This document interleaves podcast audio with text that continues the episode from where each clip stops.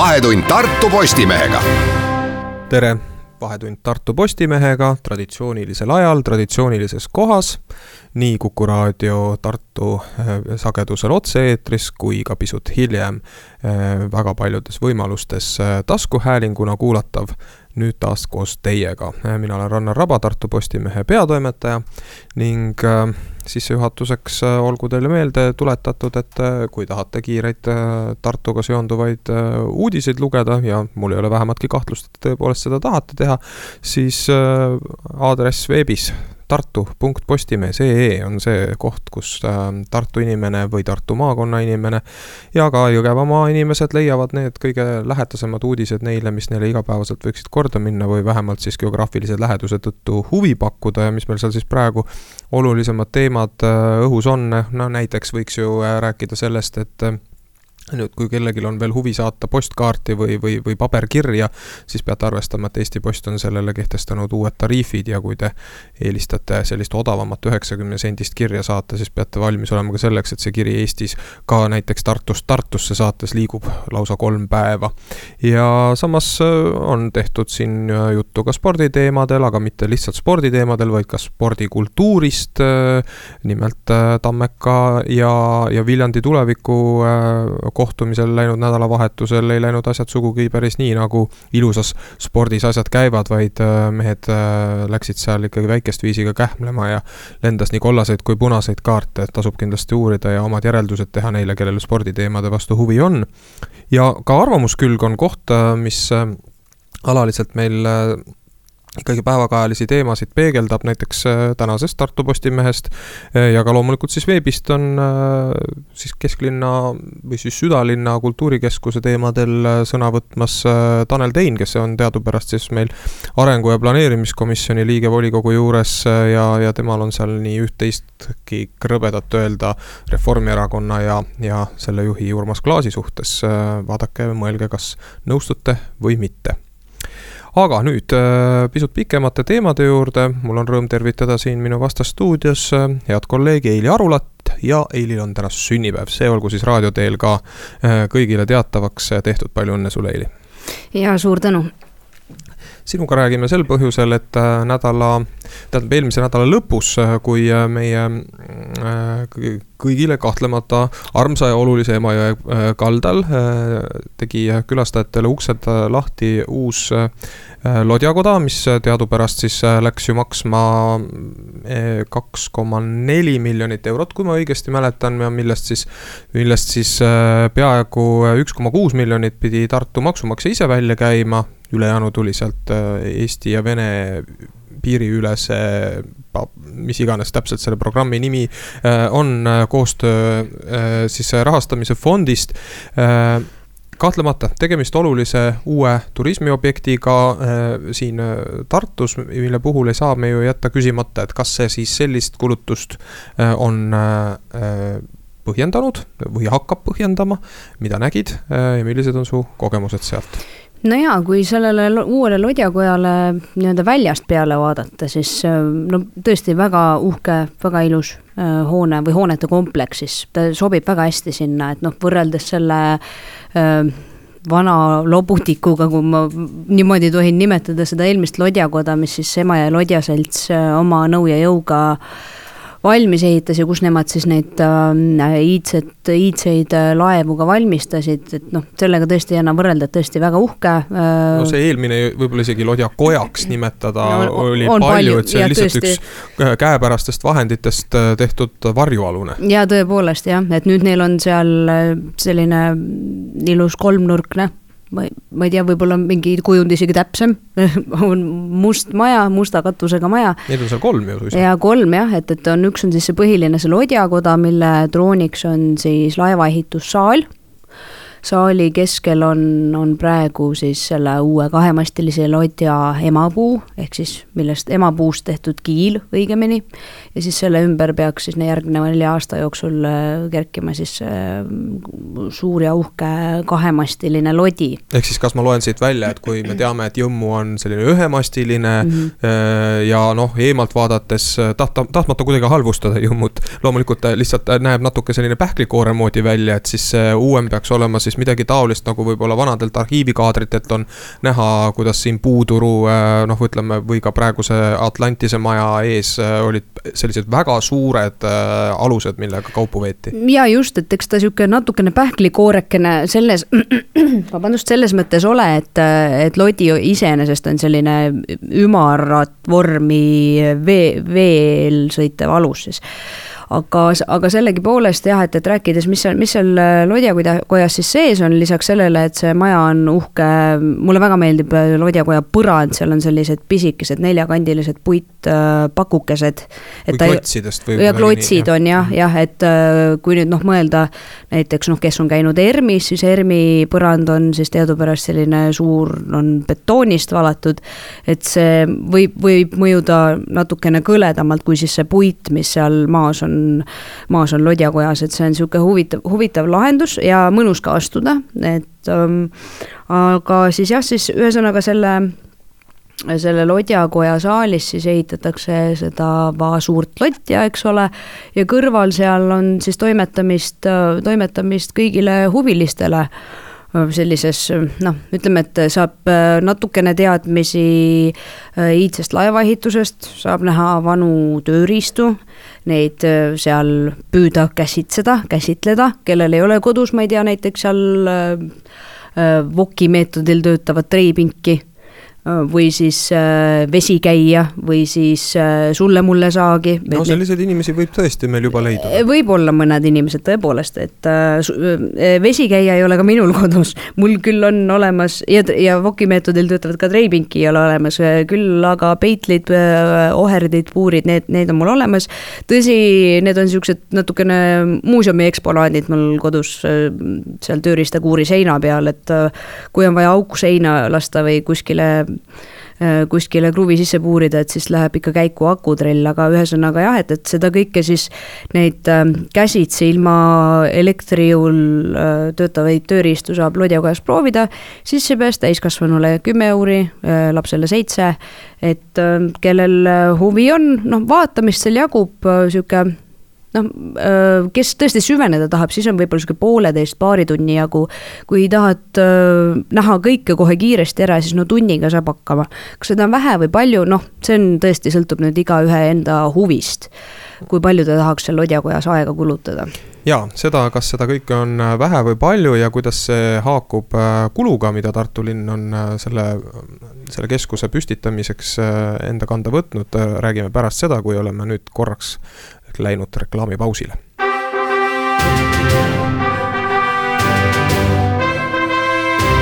vahetund Tartu Postimehega.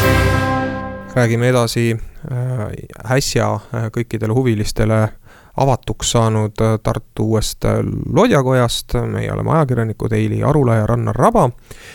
Miks me kaalume või noh, analüüsime seda nüüd sellest vaatepunktist, et, et kui palju siis selle kahe koma nelja miljonise investeeringu eest seal Jõeperve peal siis või kui palju sellest siis on linnarahvas kasu saanud või hakkab kasu saama. põhjendatud ennekõike selle vaidlusega, mida me oleme ka varem korduvalt äh, kajastanud, äh, noh olgu siis täpsuse huvides üle räägitud, et mittetulundus, mittetulundusühing Ühinenud Emajõe veeteed, mille taga on nii Estiko Grupp kui äh, Setoline Reisid, on ju vaidlustanud selle konkursi tulemusega, millega see uus äh, maksumaksja raha eest kerkinud keskus anti äh, siis rendile Lodja seltsile, kes ju noh, ongi selle Lodja teemalise liikumise siin üldse Tartus ellu äratanud, et kui siis selle Ühinenud Emajõe veeteede noh, nii-öelda kahtlused äh, seisnevad ju selles, et nad ei ole päris veendunud, et Lodja selts oli sellele investeeringule vastava kontseptsiooni nendega sarnaselt esitanud, et see konkurss võita, et konkursi võit tuli väga tasavägiselt ja selle noh, ja need kaht-, kahtlused vajaksid kummutamist, aga seda ei saa teha, sellepärast et linn ei anna äh, selle võistluse materjale vastaspoolele välja, noh kumbki pool ei ole teise poole omi näinud. ja, ja see loomulikult paratamatult äh, külvab siis kõikvõimalikke kahtlusi ja kõlakaid umbes nii, et jah, et noh, me saame kõik sellest aru ja tunnustame Lodja seltsi selle eest, et nad sellise, sellise pärandkultuuri äh, haru üldse on käima pannud ja et see on juba päris palju aastaid Tartule kuulsust äh, ja, ja huvitavaid tegevusi toonud, aga et noh, et kui läheb suure investeeringu sisustamiseks, et siis on selge see, et kõigil peaks olema justkui võrdne võimalus ka sellega, sellest osa saada noh, tõsi jah, siin võib nagu öelda, et, et otsustuskorras on ka kohalikul omavalitsusel õigus oma vara äh, rendile anda, aga see ei ole hea traditsioon. ja sellisel juhul peaks see olema ka volikogu tasandil äh, väga si-, noh, põhjalikult selgeks vaieldud, et, et see on parim vahend või par, parim lahendus avaliku äh, ressursi kasutamiseks. ja noh, nüüd me tuleme siis selle juurde, et ikkagi, et, et miks see vaidlus üldse on, meie ajakirjanikena ei ole ka neid kontseptsioone lugeda saanud ja siit pealt tahaks küll teha sellise väikse avalduse, et ma ei näe mitte ühtegi põhjust, miks eh, taoliste rendikonkursside puhul peaks olema materjalid eh, salastatud, vahet ei ole, kas vastaspoole eest või üleüldse laiema avalikkuse eest. sel kellaajal, sel sekundil, mil lõpeb materjalide esitamise tähtaeg, ükskõik, kes need huvilised seal on.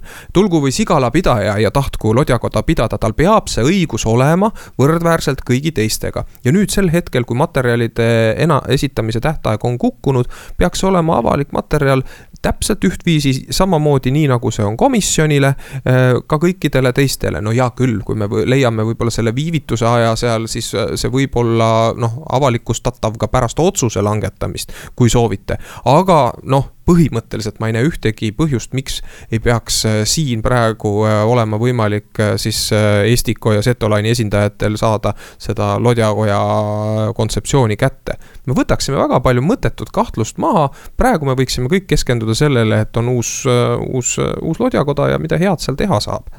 Jah, ennekõike see küsimus tekib siin olukorras, et seal on, seal, seal on see seis, et tegu oli ju konkursiga. kui seda küsimust ei tekiks üles, kui oleks lihtsalt noh, see projektiraha, mille siis lodjakoja ehituseks saadi sellest piiriülesest meetmest ja siis oleks linn andnud lihtsalt selle, otsustanud, et see toetus läheb nüüd Emajõe Lodja seltsile, kõik finito, mitte mingisugust probleemi sellega poleks olnud, et siin ongi see uba, et konkurss. et konkursi puhul tõesti esitatakse ideed, et kumb see nüüd siis parem on, praegu me teame ühte ideed, mis teostuseks. noh, eks näis, kuidas see toimima saab hakata, maja on valmis, sees äh, tegutsemine käib, Emajõe Lodja seltsi puhul pole kahtlustki, et nad seal äh, niisama pöidlaid keerutaks selles osas et.... ei ole ka kahtlust selles, et, et see seltskond on tõepoolest ainus ja parim, kes äh, lott tootjate teemalist know-how'd, kui nüüd äh, võõrkeeles väljenduda, siin Eestis jagab, eks. jaa, absoluutselt ja jah, ja samas samal ajal me ei, ei tea tõesti ka seda, et millega siis äh, vastaspool oleks üllatanud sellisel puhul. et äh, jah, kui ei saa võrrelda midagi, noh, mõtlen võrdlemise osas näiteks hea näide oleks siin võib-olla näiteks kaasav eelarve mille puhul äh, ideed, ideede korje on siis, need ideed pannakse kasvõi noh, nagu on Kaarsillal on need ideed ilusti mustvalgel kirjas, igaüks saab vaadata, eks ole. samamoodi, kuigi jah, sellise konkursi puhul on spetsiaalne komisjon, kes otsustab aga mis siis, see on ju ikkagi linna, linna rahakotist väga suur raha, miks ei võiks siis äh, ka see, kes äh, siin Tartu linnas makse maksab, näha, mis, mis need ideed on, et see on jah veidikene kummaline, et kuidas konkursi algfaasis on ärisaladuse kaitsmine omavalitsuse poolt täiesti arusaadav, loomulikult kõik peavad saama võistelda võrdsetel alustel, ilma et keegi näppaks teineteise tagant häid ideid. aga kuskilt maalt saabub see hetk, kus enam selliseks mänguks ju ei ole põhjust. jaa, absoluutselt, noh, et eks äh, näis, kas see noh, ütleme siis äh, uus lodjakoda täitub äh, sellisel hulgal rahvaga võib-olla, kui kui võib-olla linn siis tahaks näha või, või kas see nende eesmärk üldse on, sest noh, tegu on ju ikkagi laeva ehituseks mõeldud saaliga, mida saavad näha ja kasutada ka teised inimesed, huvilised, eks ole. kuigi noh, ma rõhutan veel, et praegu see laevaehitussaal, seal saab toimetada siin, nagu täna ajalehes on, et siin, kus äh, kuueaastane Artur puurib parasjagu auku sinna oma lodja mudelisse. et siis võib-olla siin paari aasta pärast seal ei saa keegi seda auku sinna lodja mudelisse puurida, sellepärast seal ei ole lihtsalt ruumi, sest see uus lodi võtab selle ruumi ära.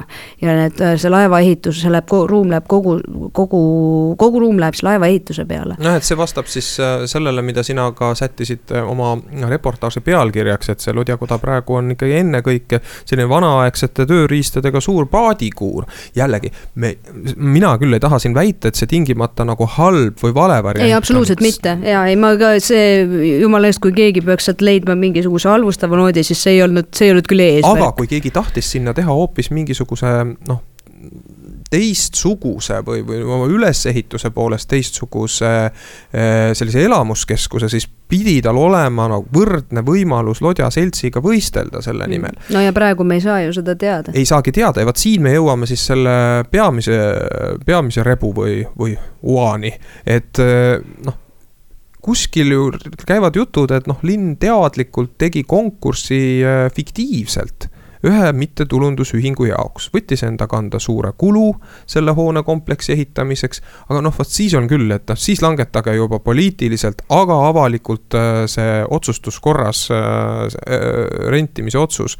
ja nii, et kõik saaksid sellest ühtemoodi aru ja saaksid sellele ka vastu vaielda, täpselt avalikult, avalikustamine on siin selle, selle, selle teemapüstituse noh, nii-öelda peamine noh, koht, mille ümber me peame ju rääkima ehk siis järgmisel, järgmistel kordadel, kus midagi sarnast tuleb ette võtta, võiks Tartu linn igatahes vähe, vähe nutikamalt tegutseda jaa, absoluutselt, ei no iseenesest see on jah, niisugune mõtlemise, mõtlemise koht tule, tulevikuks.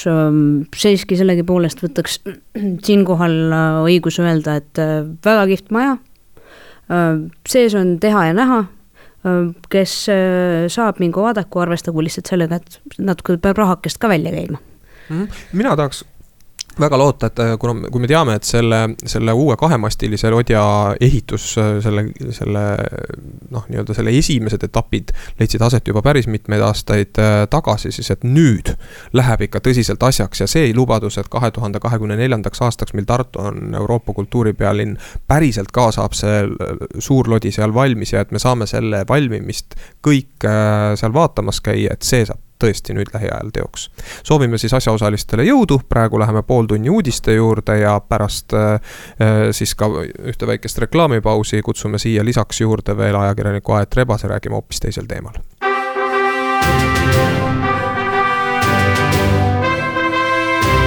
vahetund Tartu Postimehega tere tulemast tagasi, stuudios nüüd kolm ajakirjanikku, Aet Rebane, Eili Arula, Rannar Raba. või võiks tegelikult isegi öelda, et äh, siin on äh, mikrofonide taga kaks ema ja üks isa. Äh, sest me kavatseme rääkidagi lapsevanemaks olemisest, tänapäeva lastest ja laste kasvatamisest ja mitte sellepärast, et me tahaksime kellelegi sõnu peale lugeda või, või kuidagi arvame ennast sellel teemal väga targad olevat. aga. Eh, meie, meie lehes äsja ilmus eh, Aet sinu sulest eh, väga tore essee. ja tore just sellepärast, ta pealkiri oli siis Väga lihtne on olla halb ema. juba ainuüksi see pealkiri on väga tore, sest ta kindlasti konksutab lugeja ära ja paneb küsima küsimusi. et kuidas siis ikkagi niimoodi, et me kõik ju ikkagi tahaksime olla kas väga head emad või isad. ja, ja see, mismoodi sa enda kui ema vaadet ja mitmesuguseid dilemmasid tänases ajas kõrvutatuna selle perioodiga eeskätt, mida sa ise lapse ja teismelisena läbi elasid, et milliseid asju sa näed. minu meelest oli see üks, üks väga kosutav lugemine just sellepärast, et see avas mitmesuguseid uusi küsimusi ja see on ka põhjus, miks me tahaksime selle saate poole nüüd noh rääkida pisut äh, sellistest äh, vanemaks olemiseks ja lapseks olemise teemadest. Kõigepealt äh, ma pean veel nii palju sissejuhatuseks ütlema neile, kes seda esseed lugenud ei ole, et sa noh, minu hinnangul, see on nüüd minu hinnang, panid selle üheksakümnendate olustiku Äh, võrdlemisi laia pintsliga sellisesse porisesse värvingusse. Äh, see aeg, kus, kus sina mm -hmm. olid laps, et võrrelduna nüüd sellega, kuhu me tänaseks oleme jõudnud ja mil-, milliseid hüvesid tänapäeva lapsed ka siis, kui neil ei ole rikas perekond mm, -hmm. võivad nautida, et see on see selline vastandumine, mis mulle nagu kandva mõttena siit jäi silma. aga nüüd on sul endal aeg põhjendada, miks sa ikkagi üldse selle teema juurde tulid hästi, no tegelikult kui ma nüüd veel täpsustaks seda pealkirja, siis ma ütleks, et järjest lihtsam on olla halb ema. see, ma kirjutasin sellest sellepärast, et mulle tundub, et asjad Äh, millest tänapäeval sa võid tunda ennast halvasti lapsevanemana või ka ühiskond võib sind hukka mõista. et äh, veel sel ajal, kui mina üles kasvasin, keegi ei pannud tähelegi selliseid asju. näiteks äh, üks näide, kui ma olin, ma pidin olema algklassides veel koos oma sõbrannaga, pärast kooli kogu aeg käis mingi hulkumine, ma käisin iga päev Kaubamajas delfiiniparbit vaatamas, ma ei saanud seda kunagi aga noh, kogu aeg käis mingi hulkumine, siis me käisime Toomemäel hüppamas alla vihmavarjudega, et äh, lendamist õppida ja ühte mingi, kas kevad või talv, ma mäletan nii hästi, kuidas me lasime alla mööda jääd Toome orgu kassitoomel ja lõpuks me ei saanud sealt välja. Ja mul on nagu meeles, nagu see oleks mitu tundi kestnud, see oli niisugune naer ja pisarad korraga, sest see oli noh, lihtsalt niivõrd meeleheitlik olukord, et see Toome org oli jääs, aga all oli lomp ja me ei saanud välja ja me ei saanud ja kui me lõpuks saime, siis me ilmusime mõlemad koju läbimärgades riietes ja nagu minu arust keegi ei pannud seda isegi kuidagi tähele. see lihtsalt oli, sest see oli toonane reaalsus, et, et. aga lapse... kas nii ei ole enam siis? ei ole, ei ole, kui su laps ei ole pärast koolipäeva ma ei tea, jääb pool tundi hiljaks, siis minu arvates juba see, et meil on võimalik helistada lapsele ja küsida, kus sa oled, miks sa kodus ei ole? Ja nii edasi, et esiteks on standard et sa pead teadma, kus su laps parasjagu on. Ja kui ei ole, siis me nagu kiiremini peame selle, seda millekski halvaks, sest et me tegelikult ka lapsi järjest rohkem viime autoga edasi-tagasi ja neil seda avastamist ja üksi kolamist ja võsasõra kulka tegemist on minu arvates järjest vähem, et me oleme kuidagi ära kureerinud nende vaba aja palju rohkem, kui me ise seda väiksena saime. Mm, see on tore, et sa veel kooliealisele lapsele helistad ja küsid, kus sa oled, et sa seda äppi ei vaata, kus kohas parasjagu laps on. ja ta nagunii ei vasta, aga selles mõttes noh, et äh, ikkagi on kokkulepped, et ta ükskord esimeses klassis, kui ta esimest korda pidi üksi koju tulema, noh, mulle tundus, et juba kümme-viisteist minutit liiga kaua oli ära ja siis ma läksin vaatama, siis ta oli veel kooliõues ja siis ma lugesin sõnad peale. aga ühe märksõna, Eili siin praegu ju üks peamine märksõna, mille Eili välja tõi, äh, võrreldes siis selle kaheksakümnendate ja üheksakümnendatega, kus meie mm -hmm. lapsepõlv jäi, et äh, see sõna äpp mm -hmm. on tegelikult ja, ja mitte nii, niivõrd selles kontekstis, et kas lapsevanem kuidagi äpi kaudu jälitab oma,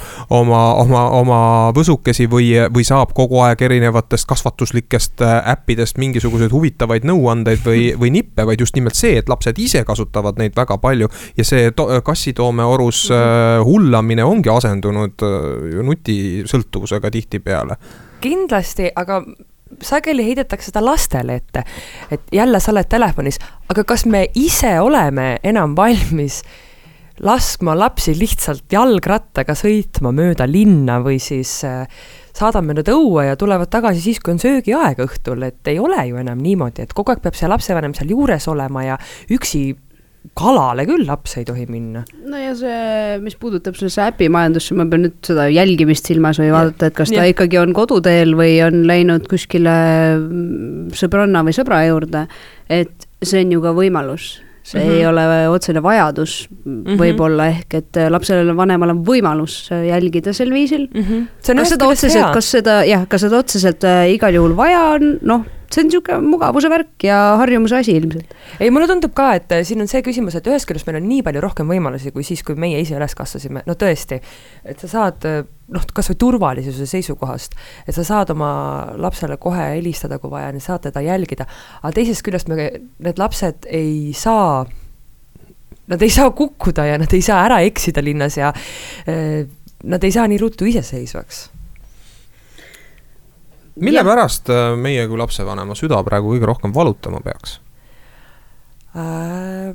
kusjuures ma arvan, et võib-olla see ongi see, et äh, see kogu see sotsiaalmeedia ja nagu vajadus olla ideaalne äh, ja näida ideaalsena, et see ei käi ainult meie põlvkonna kohta või noh, nende selle nii-öelda selle põlvkonna kohta, kes on juba harjunud sotsiaalmeediat varem kasutama, et ma kardan, et see, et kuna meie lapsed elavad niivõrd suuresti internetimaailmas ja need standardid, mille nad sealt saavad, ütlevad neile kogu aeg, et nad ei ole piisavad ja minu arvates see on suur-suur murekoht. see ongi see, see põhjus, miks sa ütled, et, et väga lihtne on olla halb Just. ema, et tegelikult sa ei pruugi ju seda sugugi mitte olla, sa ei pruugi mm -hmm. olla mhm. ükskõikne, sa ei pruugi olla rumal lapsevanema mm, -hmm. lapsevanemana, sul ei pruugi olla liiga vähe oskusi, aga võimalus libastuda nende ideaalidega kõrvutatuna Just. on väga lihtne. sest et mitte keegi ei, peaaegu ma arvan, ei postita sotsiaalmeediasse pilti pesemata nõudest,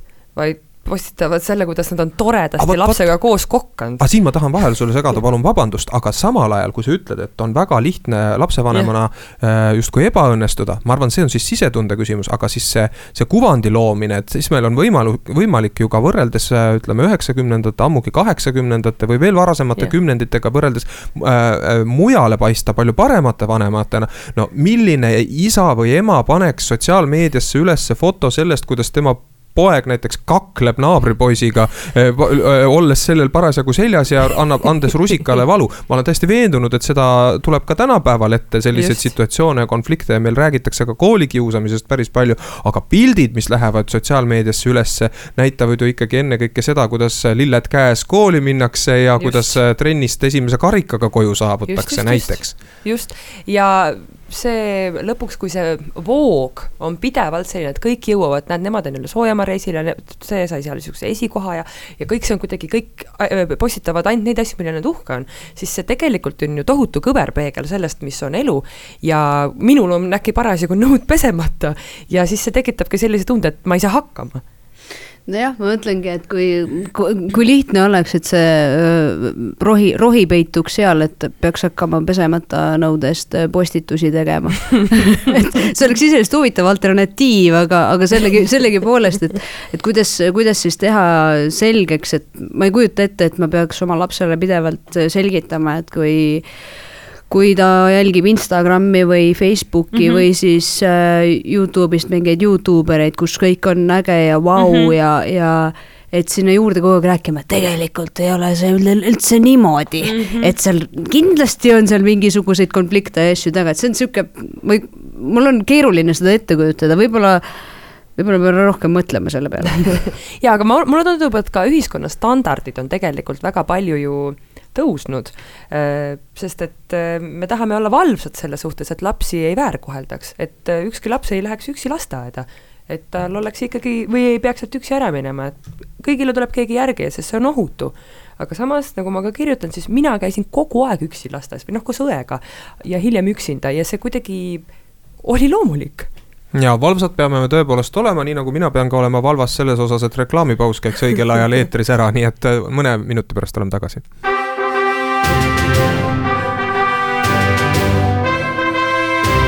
vahetund Tartu Postimehega. tere taas kuulajale teadmiseks, et meil siin vahepeal jutud sugugi ei katkenud, oleme jõudnud oma vestluses tükk maad kaugemale.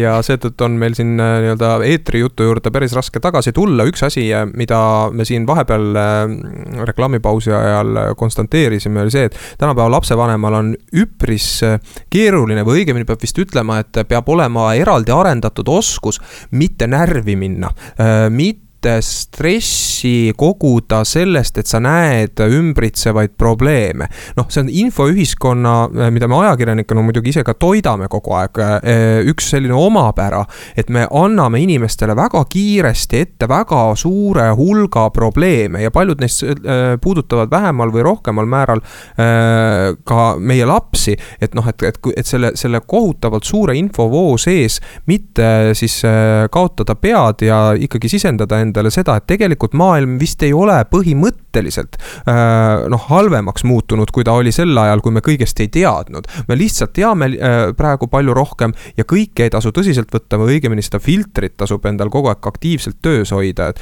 mis mulle päriselt oluline on ja mis mitte.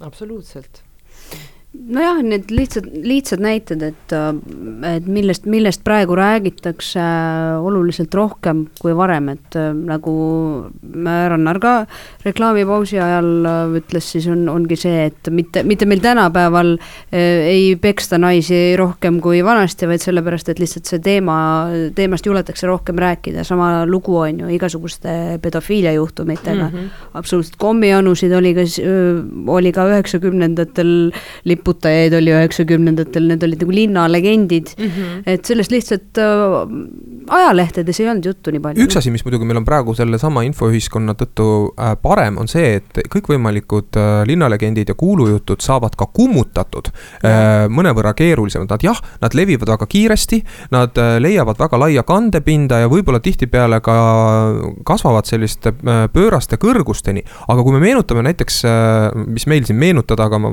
olen kuulnud juttu, jutte sellest, äh, mida räägiti nii Tartus kui Tallinnas äh, vahetult pärast sõda. sellest, kuidas mingisugused kotionud ajasid lapsi põhimõtteliselt taga kusagil. Äh, inimvorstivabrik. ja, ja inimvorstivabrikud ja, ja, ja, ja need, need legendid kestsid kümneid, noh, ta, ta palju aastaid, võib-olla isegi kümme aastat. ja nendega on teatud põlvkond siiamaani või tähendab kuidagi mm -hmm. nendest traumeeritud.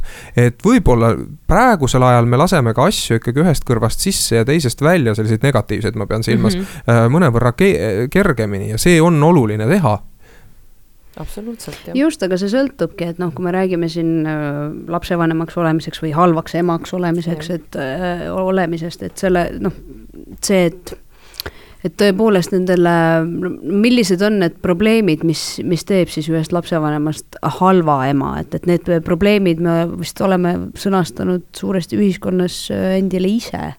jah, aga samas mul on selline tunne ka, et vaata, kui meie kasvasime, siis ei olnud ka nõuet emotsionaalselt lapse eest hoolitseda nii palju nojah, et mõelda selle peale, et oot-oot, et kui ma ta peale nüüd suhteliselt tühja asja pärast, ma ei tea, maas vedelevate sokkide pärast jah, et kui ma ta peale käratan, et ka see käratus võib talle põhimõtteliselt sisse jääda, sellest ka kirjutad Aet sina oma ja. loos. et see hääl, mis häälega sa, mis toonil sa temaga räägid ja äh, võib ühel hetkel olla osa selle ini-, selle kasvava või ühel hetkel suureks kasvanud inimese identiteedist. keegi ei mõelnud nii, kõigi jaoks oli lihtsalt põhiline see, et kurat, et saaks need asjad korda mhm. aetud mm, -hmm. et oleks kõht täis, kõik vajalik tehtud, äh, tuli õhtul kustutatud ja homme, hommikul uuesti äh, põlema pandud. ja see oli see noh, nii-öelda suhteliselt primitiivne muster, mida oli ühiskonnas rohkem nojah, olme, olme oli see, mille pärast tuli muret tunda mm, siis lapsevanematel see mm, -hmm. see, sest noh, nagu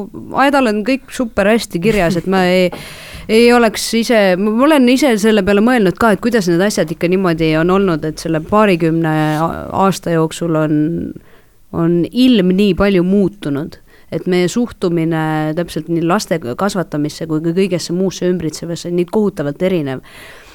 Ja et, et see kogu, see pidev võrdlemine, et kas see on aus või on see ebaaus, mina isegi ei oska öelda, aga kellel vähegi võimalik, et lugege see Aeda eile, jah, eile ilmunud arvamuslugu läbi, et, et sellest, kuidas ma halb ema olen siin üks tsitaat, mille me ka küljenduses eraldi välja tõstsime sellest loost, kõlab äh, niimoodi, et mu suur hirm on, et me kasvatame põlvkonda, kellel on laialdased teadmised, aga pole oskust ise otsuseid vastu võtta, sest me ei tohi lubada neil ise proovida, ise eksida. see on siis ikkagi see, ma saan aru, et, et, et me ei lase neil kalale minna, piltlikult öeldes. ala, ala. aga nad ei üks... taha ju minna kalale Uh, võib-olla ma meelega niimoodi üldistan.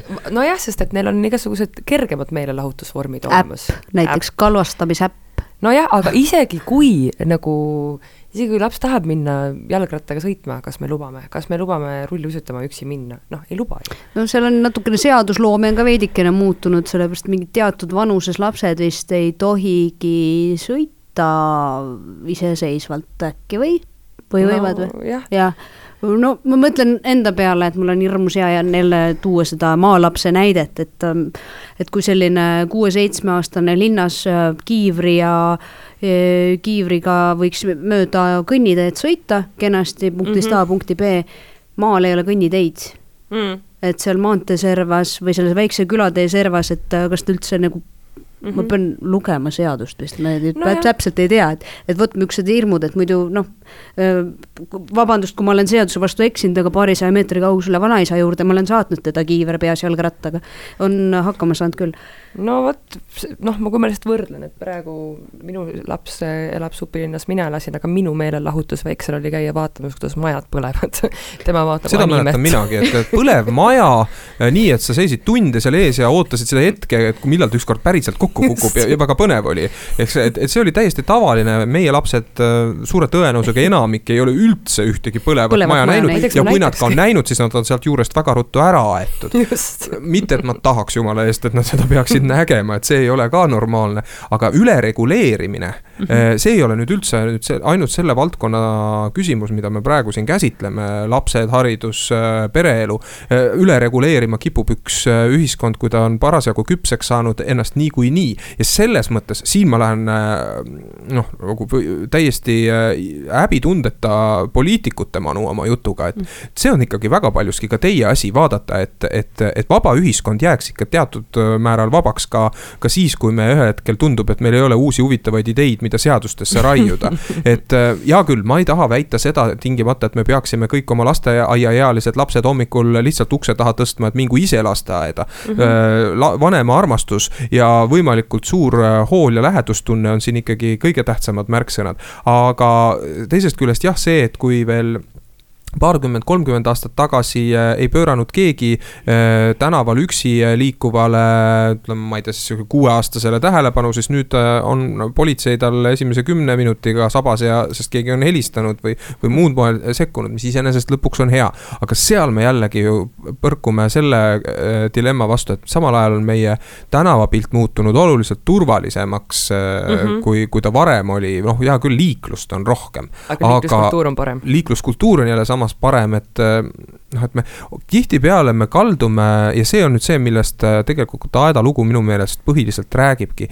kaldume otsima ise probleeme sealt, kus neid ei ole. ehk siis eh, me nagu näeme selliseid hirmutavaid märke enda ümber liiga palju ja võib-olla siis selle asemel võikski tõesti lapsega lihtsalt juttu ajada, kui mõtelda talle mingeid reegleid välja. nõus jah, ja ma ei tea, igal ajal ei peaks võib-olla ka stimuleerima nii hirmsasti, et see mina tunnen, et mind natukene väsitab see, et ma pean pidevalt lapsega tegelema, seda tegevust otsima aga, ja. aga see ja... on ka tänapäeva vanemate sümptom, et ei lasta lapsel igavust tunda, ei lasta nutta. no. mis on vajalik talle ta peab saama kukkuda ja, ja, ja ta peab noh, siis pead ikka arvestama selleks, et nutma hakkab ta siis, kui sa talt selle nutitelefoni käest ära võtad ju oht on eks, eks siin ole ka erinevaid äh, praktikaid ja mingisuguseid äh, üldistusi me teha selles mõttes ei taha, et äh, iga vanem peab, oli, on ja peab jääma kõige targemaks ise oma pereelu ja laste mm -hmm. kasvatamise teemadel. Aga et siin ainest aruteludeks on, oh, selles pole kahtlustki. nii, tõmbame meie siin oma jutu otsa kokku, soovime Tartu Postimehe sõpradele kena sügise jätku, olete nädala pärast taas oodatud seda saadet jälgima vahepeal tartu.postimees.ee lehel kõik meie värskemad uudised kättesaadavad.